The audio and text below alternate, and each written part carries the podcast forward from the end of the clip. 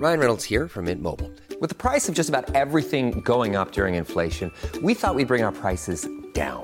So to help us, we brought in a reverse auctioneer, which is apparently a thing.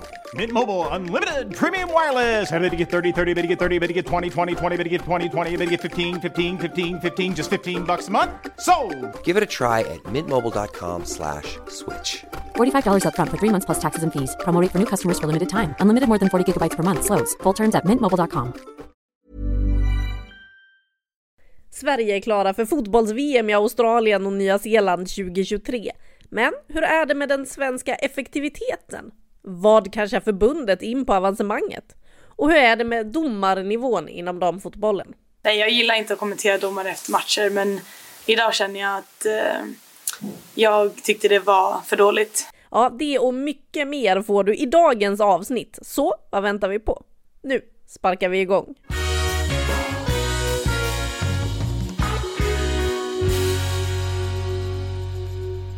Varmt välkomna ska ni vara till ett eh, specialavsnitt av eh, Fan Plus från ett hotellrum i Göteborg efter att Sverige har blivit klara för fotbolls-VM 2023. 1-1 mot Irland, det räckte för att säkra biljetten och vi kan väl lyssna på vad målskytten Kosovare Asllani säger om eh, målet och känslan. Nej men känslan är att det var välförtjänt.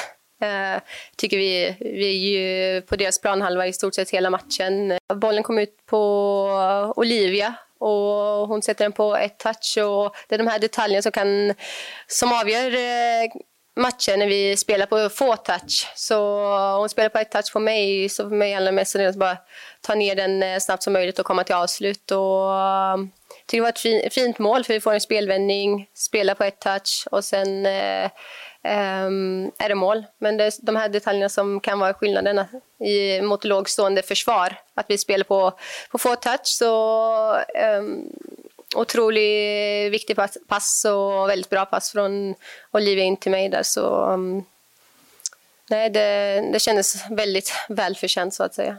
Ja, så där säger alltså Kosovare Aslani och eh, jag som pratar heter Anna Rydén. Med mig här på hotellrummet har jag Petra Thorén, min kollega på Sportbladet. Petra, vad säger du om vi börjar om matchen? Ja, vi visste att eh, Irland skulle komma med ett otroligt kompakt eh, försvarsspel och det gjorde man. Man spelade med en fembackslinje och låg med ett fyr, fyrmanna, fyr, kvinnomittfält framför. Eh, väldigt kompakt, liksom, lämnade inga ytor alls eh, för de svenska spelarna. Tyckte man, man flyttade över, låg på rätt sida, låg tight, låg nära hela tiden. Så man, alltså, de gjorde det verkligen svårt för, för Sverige. Och eh, återigen så blottades eh, liksom Sveriges eh, oförmåga att eh, vara effektiva i, i motståndarnas straffområde. Eh, lite grann eh, kanske matchovana för en för Kosovare Asllani som hade det hetaste läget i första halvlek. Eh, även Hanna Bennison eh, behövde lite tid att växa in i matchen. Eh, så det blev ett par bra lägen men det var också mycket så här halvlägen och känslan av liksom den här oförmågan att, att verkligen eh, ta tag i matchen och sätta de där avgörande målen och vara effektiva. Eh, fanns ju där, väldigt närvarande och sen så kommer Irlands mål som, som påverkar matchbilden och det var ju först efter inhoppen med eh, Filip Angerdal och Fridolina Rolfö som Sverige fick fart på sitt spel ordentligt. Ja, så var det ju och eh, det var ju många som var kanske förvånade över att eh, Filippa Angeldal och Fridolina Rolfö inte fanns med från start, men det fanns ju en förklaring. De har varit sjuka tidigare i veckan, missat träningar, men eh, Angeldal, eh, ah, hon hade velat starta du. Ja, det verkar ju verkligen så efteråt. Eh, det var ett medicinskt beslut eh, och någonstans är det väl så här, okej, okay, de kanske inte hade orkat 90 minuter, men, men eh, eh jag jag, jag, jag, kan ibland tycka, kan de spela så pass mycket som de kunde spela nu så hade de väl lika gärna kunnat spela från, från, från start eh, och liksom punkterat matchen och gått ut efter 60 i så fall, eller gått ut efter 50 liksom. Eh, så, sådär. Men jag, jag, kan förstå att man kanske inte vågar chansa då, för man vet ju inte riktigt hur det hade slagit om de verkligen hade varit liksom påverkade, var tvungna och, och gav tidigt. Det hade väl varit en nackdel då. Så att, eh, det var tur att de kom in och det var tur att de hade eh, så mycket energi. Det var inga basiller där i de benen inte utan det var full action verkligen. Ja, det var ju de som låg bakom eh, en hel del av chanserna att man faktiskt kom till lägen som man inte kom till i första halvlek. Eh. Men eh, du var ju inne på det här med ineffektiviteten och det har ju ändå präglat VM-kvalet får man säga för svensk del. Då kanske bortsett mot Jorgen-matchen senast där det väl faktiskt rann iväg och blev 15-0 till slut. Men de har ju blivit ifrågasatta hela vägen fram. Eh, vad måste de träna på? Ja, dels att eh, förvalta de här lägena de får. Eh, exempelvis Lina Hurtig som, som har en förmåga att komma liksom i, i bra lägen och få till eh, bra avslut på huvudet. Och det är en av de få spelarna i det svenska landslaget, bortsett från, från backarna då, men av de offensiva som verkligen är så här knivskarpa i boxen i sina löpningar och tajmingen till inspelen. Men, men eh, hon skulle behöva få liksom fler bollar på mål, fler bollar i mål. Eh, Blackstenius vet vi att eh, liksom, hon, hon, brukar kunna rulla in dem där men det fanns inte så mycket yta för henne att gå på idag och eh, ja, det är ju Rolfö då som, som kommer in med, med skottet utifrån. Både hon och Anjedal har ju ett skott och det, det, hade man ju gärna sett att det är fler som, som skulle kunna liksom bomba på med, med lite bra skott utifrån. Eh, så det är väl det är väl de bitarna. Så att liksom närvaron sista, sista tredjedelen.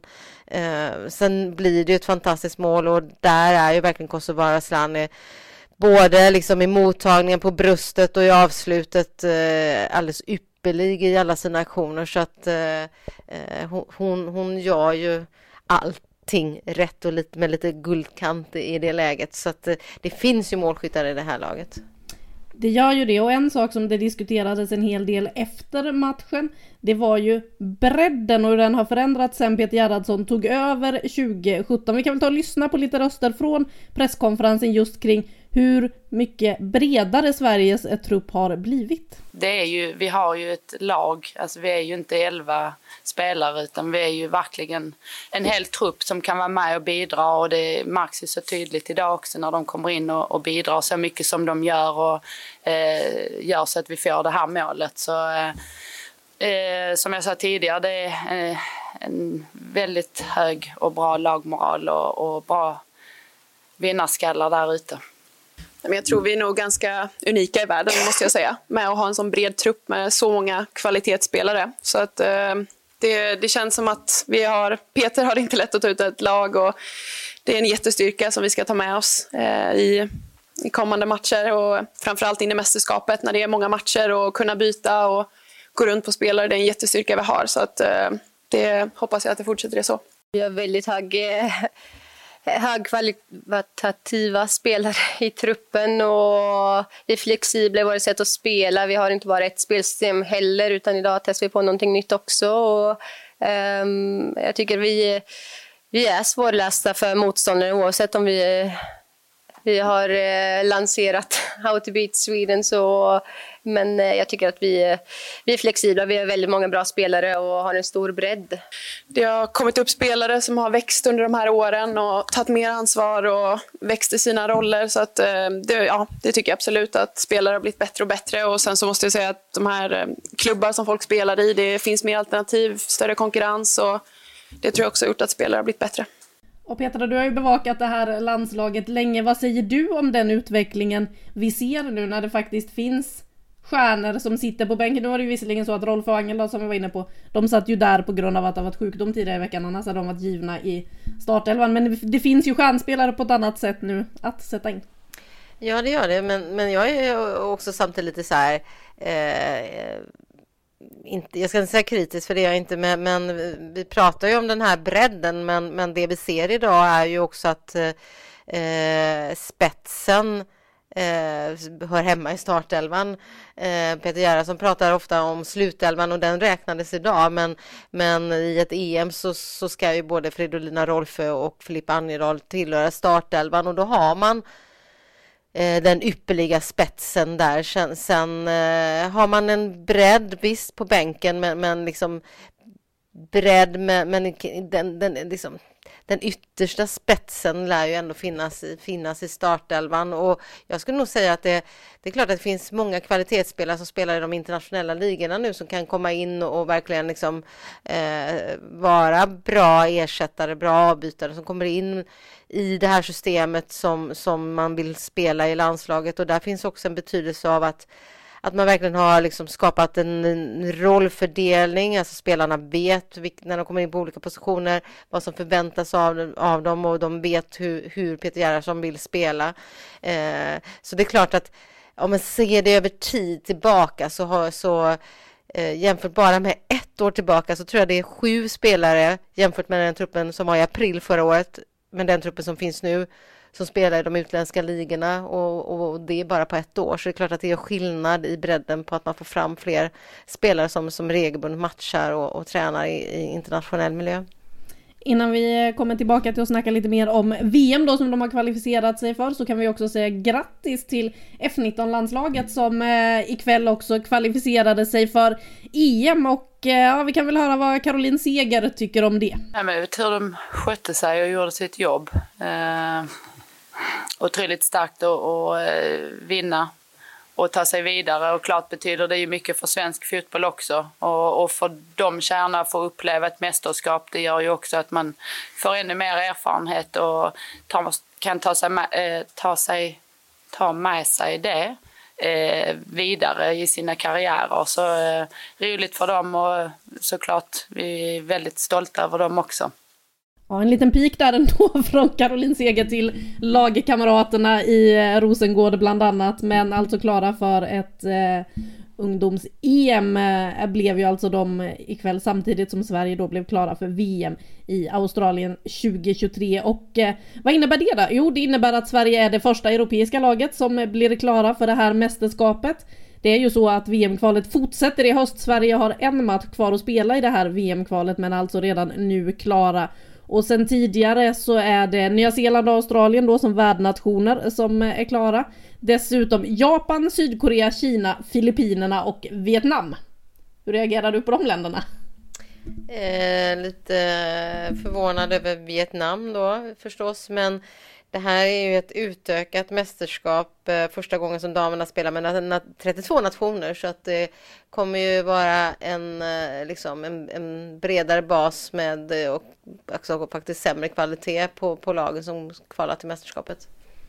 Och eh, hur skulle då, vi ska ju diskutera i slutet av det här avsnittet den svenska EM-truppen, för nu är det ju så här att man befinner sig i ett snurrigt tillstånd i huvudet när Sverige precis har blivit klar för VM, men ska spela EM här nu eh, till sommaren och vi ska prata lite om vilka som är givna i den där EM-truppen och vilka som eh, har någon månad på sig här nu att bevisa för Peter Gerhardsson att de ska in i 23-mannatruppen. Men ett VM-lag då? Vilka finns inte med där som finns med idag? För det finns ju några nu som börjar bli lite äldre. Det har väl pratats om veteranerna i flera år nu. Är det här sista mästerskapet? Är det här sista mästerskapet? Så vad tror du? Ser vi spelare som, om vi tar Hedvig Lindahl, Caroline Seger, Nilla Fischer och Linda Sembrant. Det är väl de fyra som är äldst och skulle kunna potentiellt vara med i mästerskapstrupp. Är de med i VM 2023?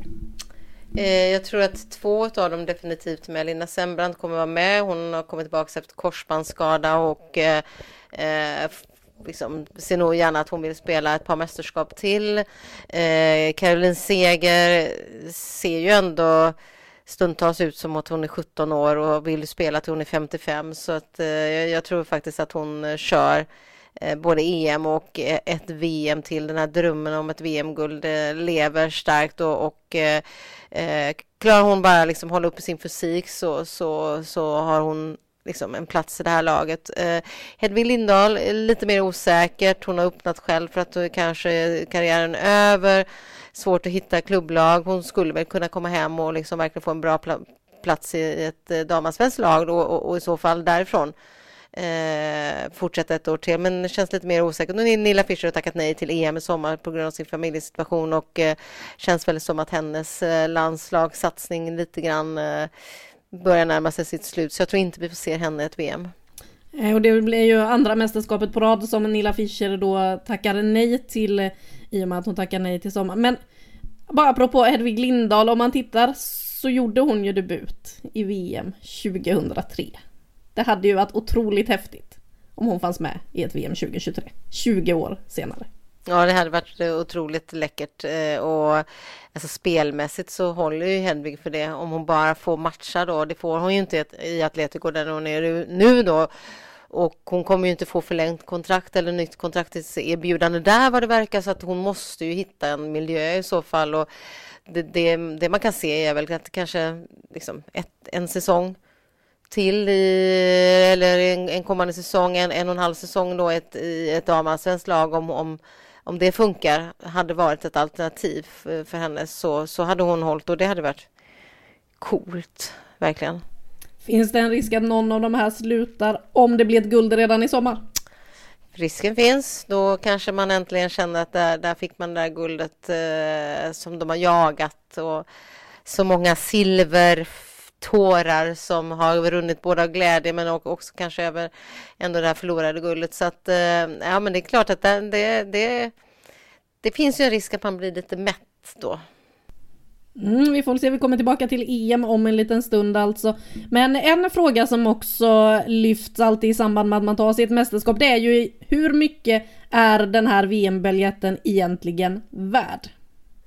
Ja, och eh, det vet vi inte riktigt. Eh, vi pratade med eh, landslagschefen Marika Domanski Lyfors precis före matchen och för att just ta reda på hur, vad, vad, vad innebär det, hur mycket den värd, vad, vad betalar Fifa Eh, Infantino, Fifa-presidenten, har ju talat om att det skulle fördubblas från då eh, 30 miljoner US-dollar till 60.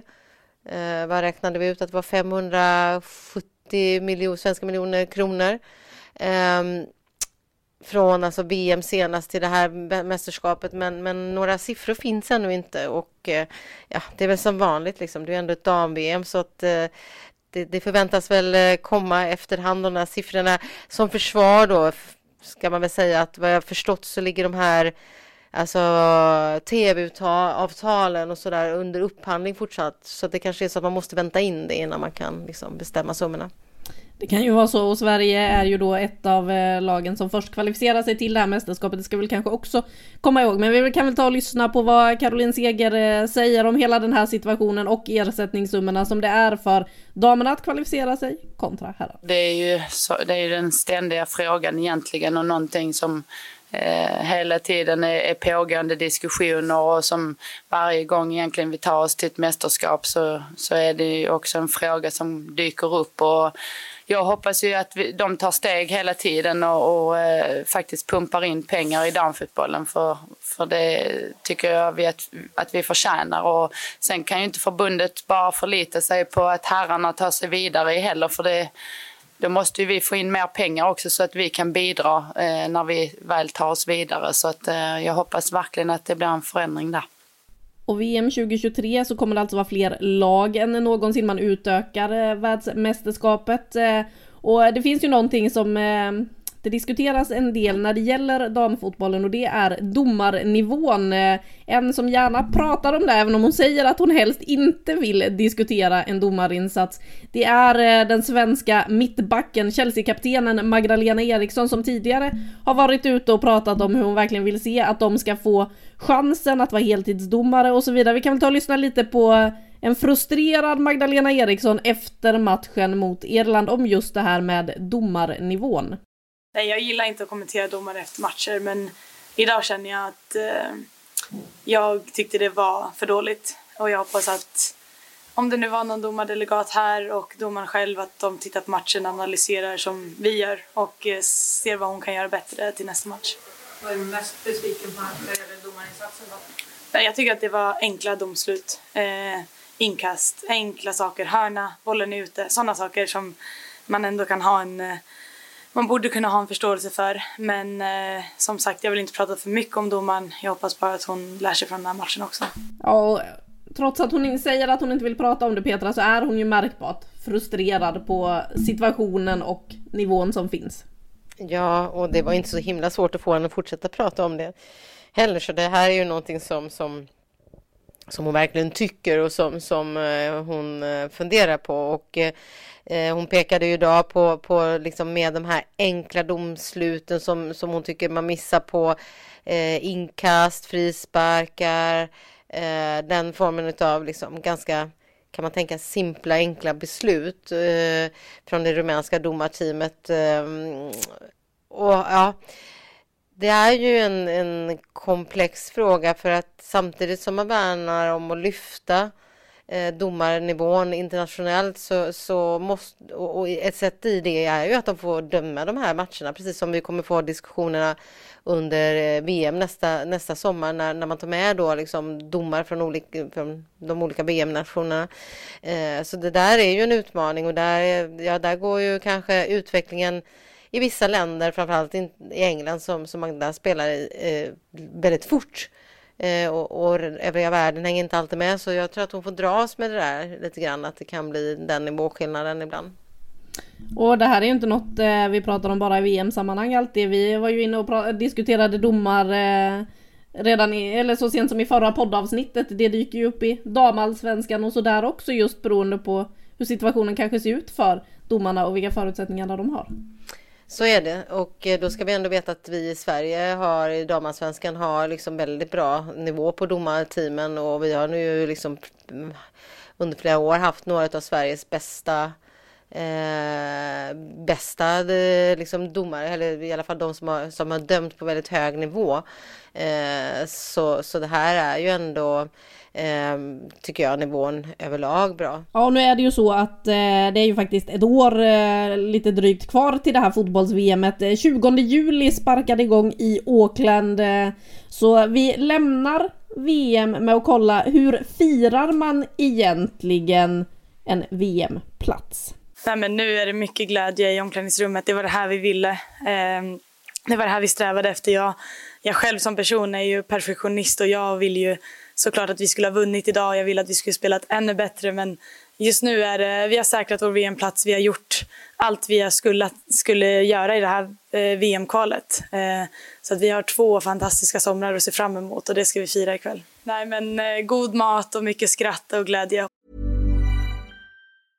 Hej, jag Ryan Reynolds. At Mint Mobile, we like to do the opposite of what Big Wireless does. They charge you a lot we charge you a little. So naturally, when they announced they'd be raising their prices due to inflation, we decided to deflate our prices due to not hating you. That's right. We're cutting the price of Mint Unlimited from $30 a month to just $15 a month. Give it a try at mintmobile.com slash switch. $45 upfront for three months plus taxes and fees. Promote for new customers for limited time. Unlimited more than 40 gigabytes per month. Slows. Full terms at mintmobile.com. Får se på. Och eh, från VM till EM då, det är det som är på tapeten näst för det här landslaget. Det här var sista samlingen innan Peter Gerhardsson ska ta ut en EM-trupp. Vilka är givna i den Petra? Oj, det är en hel bunt spelare.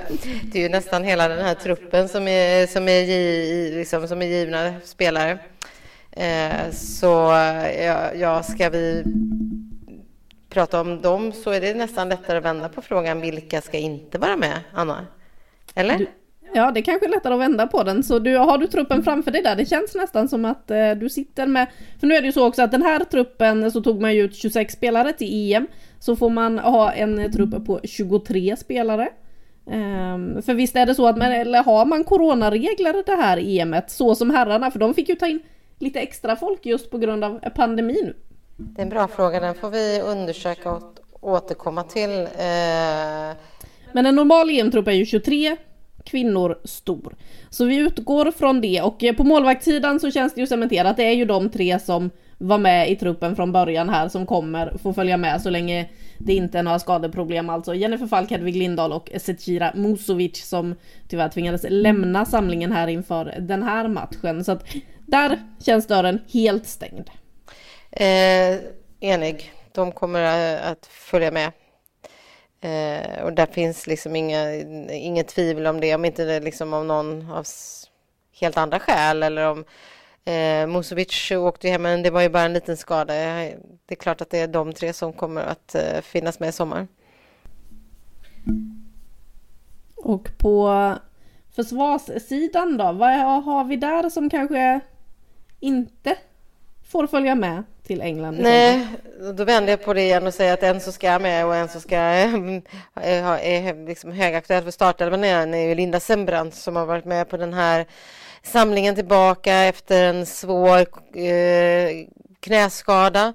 Eh, har gjort en otrolig liksom, comeback efter sin rehabilitering och eh, jättehäftigt att se henne även idag. Det tror jag kommer vara viktigt eh, att ha med henne in i ett mästerskap.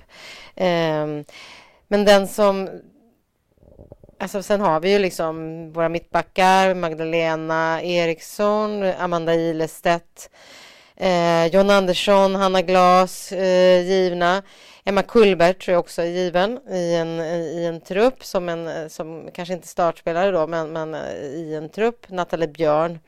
Eh, sen är det väl då Amanda Nildén som, som gick utanför den här 23 truppen idag då som, som satt på läktaren som också varit sjuk eh, tror jag kommer ha chans att slå sig in i det här laget. Och då har vi ju åtta backar där vilket skulle innebära att kanske Emma Berglund inte finns med. Nej, det, så skulle det kunna vara. Jag är lite osäker på faktiskt uh, Gerhardssons val där mellan Kullberg och Berglund. Ja, det känns som det är Emma mot Emma där va? Ja, lite så känns det som och uh, uh, jag menar, där har man ju en rutin på, på Berglund eh, samtidigt som Emma spelar i, i eh, England och, och, har den erfarenheten med sig. Så att eh, där kanske det blir lite grann liksom, beroende på Emma Berglund spelar under våren som avgör. Och om vi tittar fram på mittfältet och eh, anfallet då så kan man ju säga Alltså det är så, jag tycker det är lite svårt att tänka sig att hade vi suttit här för ett år sedan så hade man sett Filippa Angeldal lite som kanske en joker i en trupp. Nu är hon en av de självklaraste in i truppen med tanke på hur hon spelade och slogs in i den här startelvan, tog över mittfältet, gick in och ägde Boes. Ja, jag vill inte se en match utan eh, Filippa Angelau på mittfältet. Jag tycker att hon har en eh, en otrolig förmåga att vara den här länken mellan, eh, mellan mittfält och anfall och de slår de här svepande. Hon kan både slå dem lite som kross som idag så är assisten eh, fram till, eller hockeyassisten fram till Olivia Skog. Hon slår dem liksom i steget liksom på ett sätt med ett fantastiskt tillslag och eh, när hon spelar med självförtroende så är hon, eh, tillför hon laget otroligt eh, starka dimensioner i spelet så att eh, Eh, problemet för henne är ju att hon inte får speltid i Manchester City och vad det kommer att göra med henne över tid är, ju kanske en utmaning då. Ja men Angeldal eh, räknar vi ju in att hon kommer ju vara med i EM. Jag kan väl bara dra några till här som är helt givna som jag misstänker att du inte kommer opponera dig mot överhuvudtaget som Kosovare Aslani, Stina Blackstenius, eh, Caroline Seger, Fridolina Rolfö. Men vad känner du sen? Ja, alltså jag kan väl känna att eh, Filippa Kurmark kanske ligger lite på gränsen. Eh, BK Häckens eh, centrala mittfältare. Eh, vi har Elin Rubensson på läktaren idag eftersom hon hade en liten känning. Vet vi inte riktigt heller vad vi har henne. Missade OS i fjol tillbaka då. Eh, det som talar för Elin Rubensson är ju att eh, eh, ja, innan hon, hon åkte på den här lilla muskelkänningen, liksom bara dagarna innan stod jag utanför på Häckens träningsanläggning och pratade med henne. Och sa att jag är mitt liv, liksom, nej det var inte hon som sa, det var Johanna Rytting som sa att hon är i sitt livsform. Men Elin Rubensson berättade att hon hade slagit liksom, Eh, rekord i personliga tester och var väldigt fysiskt eh, förberedd för det som väntade. Så att, eh, ja, vi har inte sett riktigt Ruben i, full aktion igen i, i, allsvenskan, så vi får, i damallsvenskan. Så vi får se hur, var hon landar till, till våren då. Och det man kan säga om henne med är ju att eh, om man bara tittar vad hon har spelat i Häcken den senaste säsongen så skulle ju Peter Gerhardsson kunna använda det i princip överallt utom i mål. Ja, faktiskt. I mål, eh, hon hade säkert gjort det bra där med, men, men det är ju framförallt, eh, hon flyttade upp då som anfallare i, i Häcken, men jag tror inte hon ska ligga där och göra de här alltså, djupledeslöpningar på det sättet, utan det är liksom kanske en av mittfältspositionerna framförallt då. Eh, Madeleine Janogy eh, måste väl liksom verkligen prestera i, i Hammarby för att, för att liksom verkligen ta en plats i den här EM-truppen? Vad tror du? Tror du att det finns plats för både henne och Johanna Rytting Kaneryd i en EM-trupp? Eh, nej, det finns ju en risk att en, sannolikt att en av dem måste bort och som det ser ut just nu så är det ju Madeleine Janogy i så fall. Och för du var inne på att Johanna Rytting Kaneryd som vi också hade med i förra avsnittet där hon var inne på det här om att hon är i sitt livs bästa form. eh, För de konkurrerar ju kanske lite om samma plats och kanske kan komma in med lite annorlunda kvaliteter än vad flera av de andra i den här truppen kan. Ja, precis. Eh, och där är ju liksom Madeleine Janogy eh, ännu mer exceptionell så sin förmåga att liksom eh, snirkla sig igenom och flyta igenom och liksom igen mot en situationerna. Det minns vi ju i, på hennes genombrott i, eh, under VM 2019. Eh, så att det beror lite grann på liksom hur han vill balansera truppen.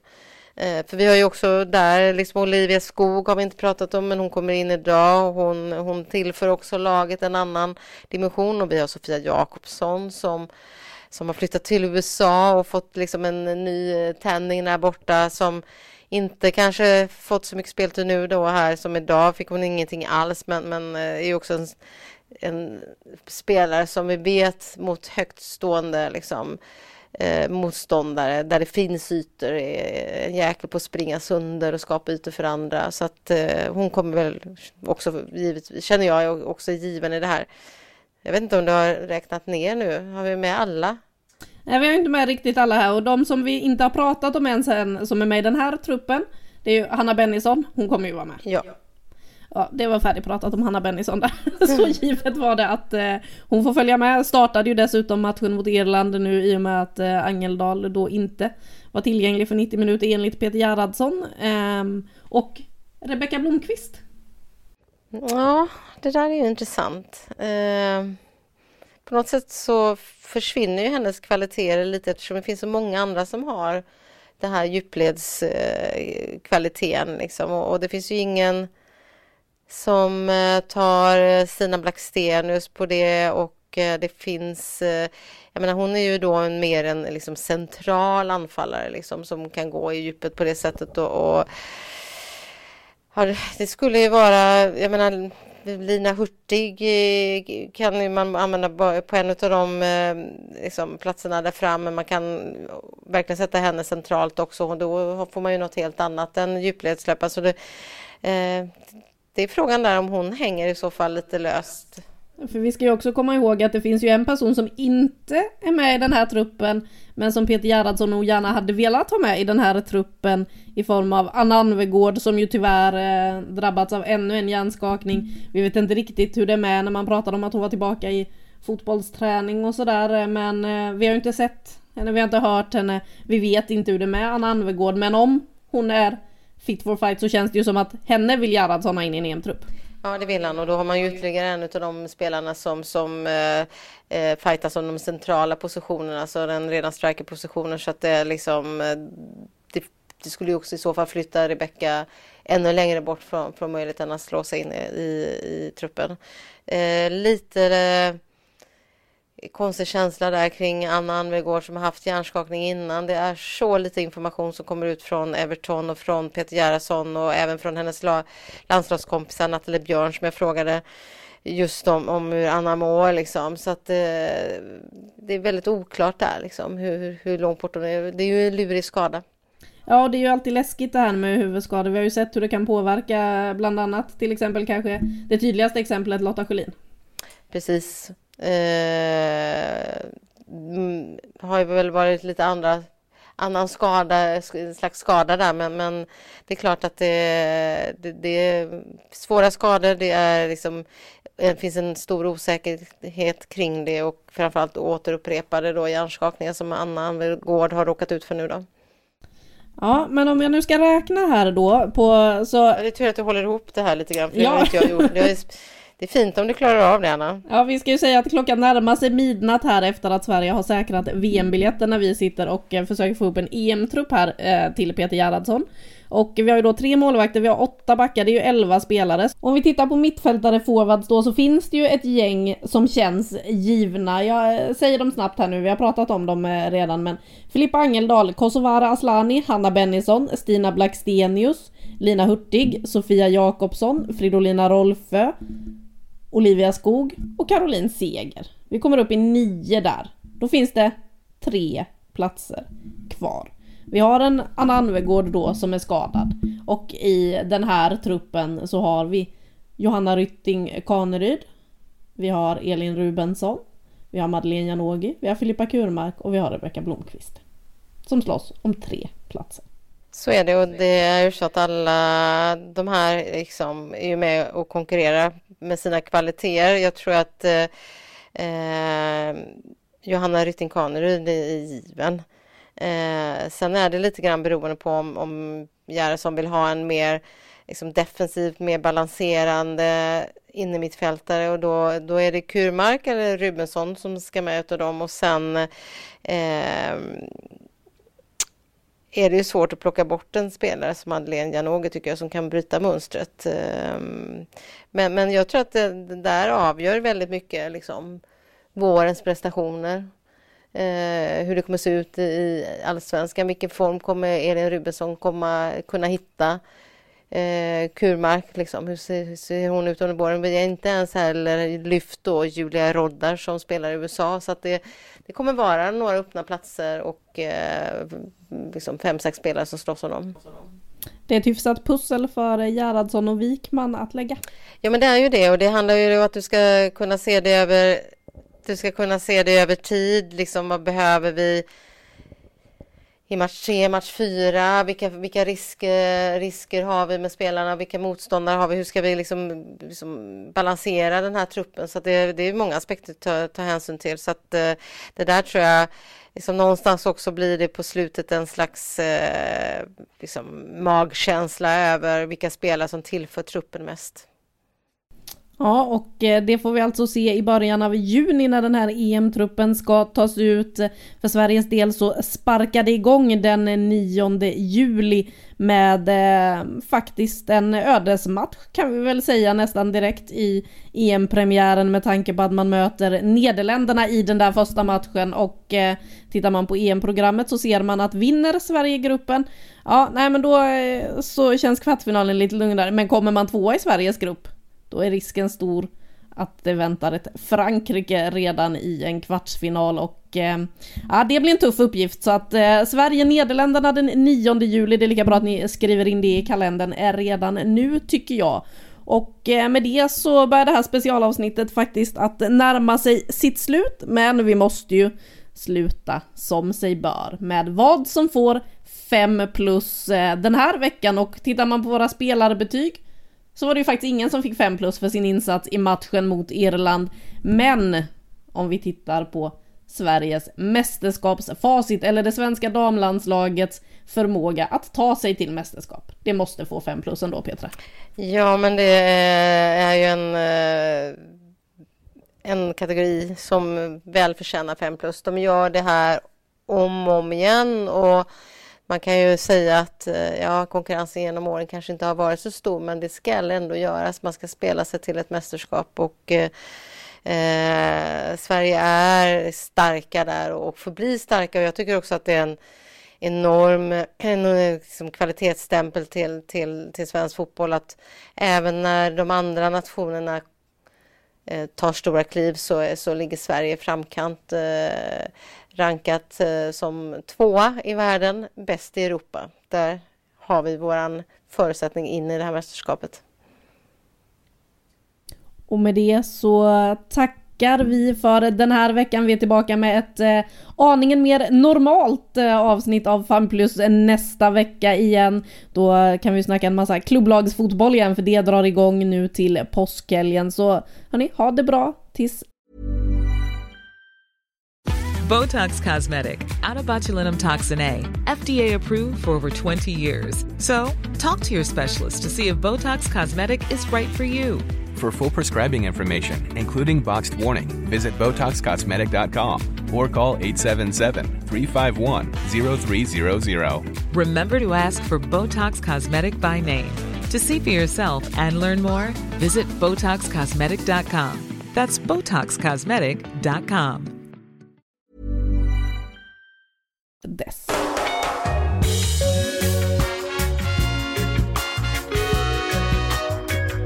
Du har lyssnat på en podcast från Aftonbladet. Ansvarig utgivare är Lena K Samuelsson.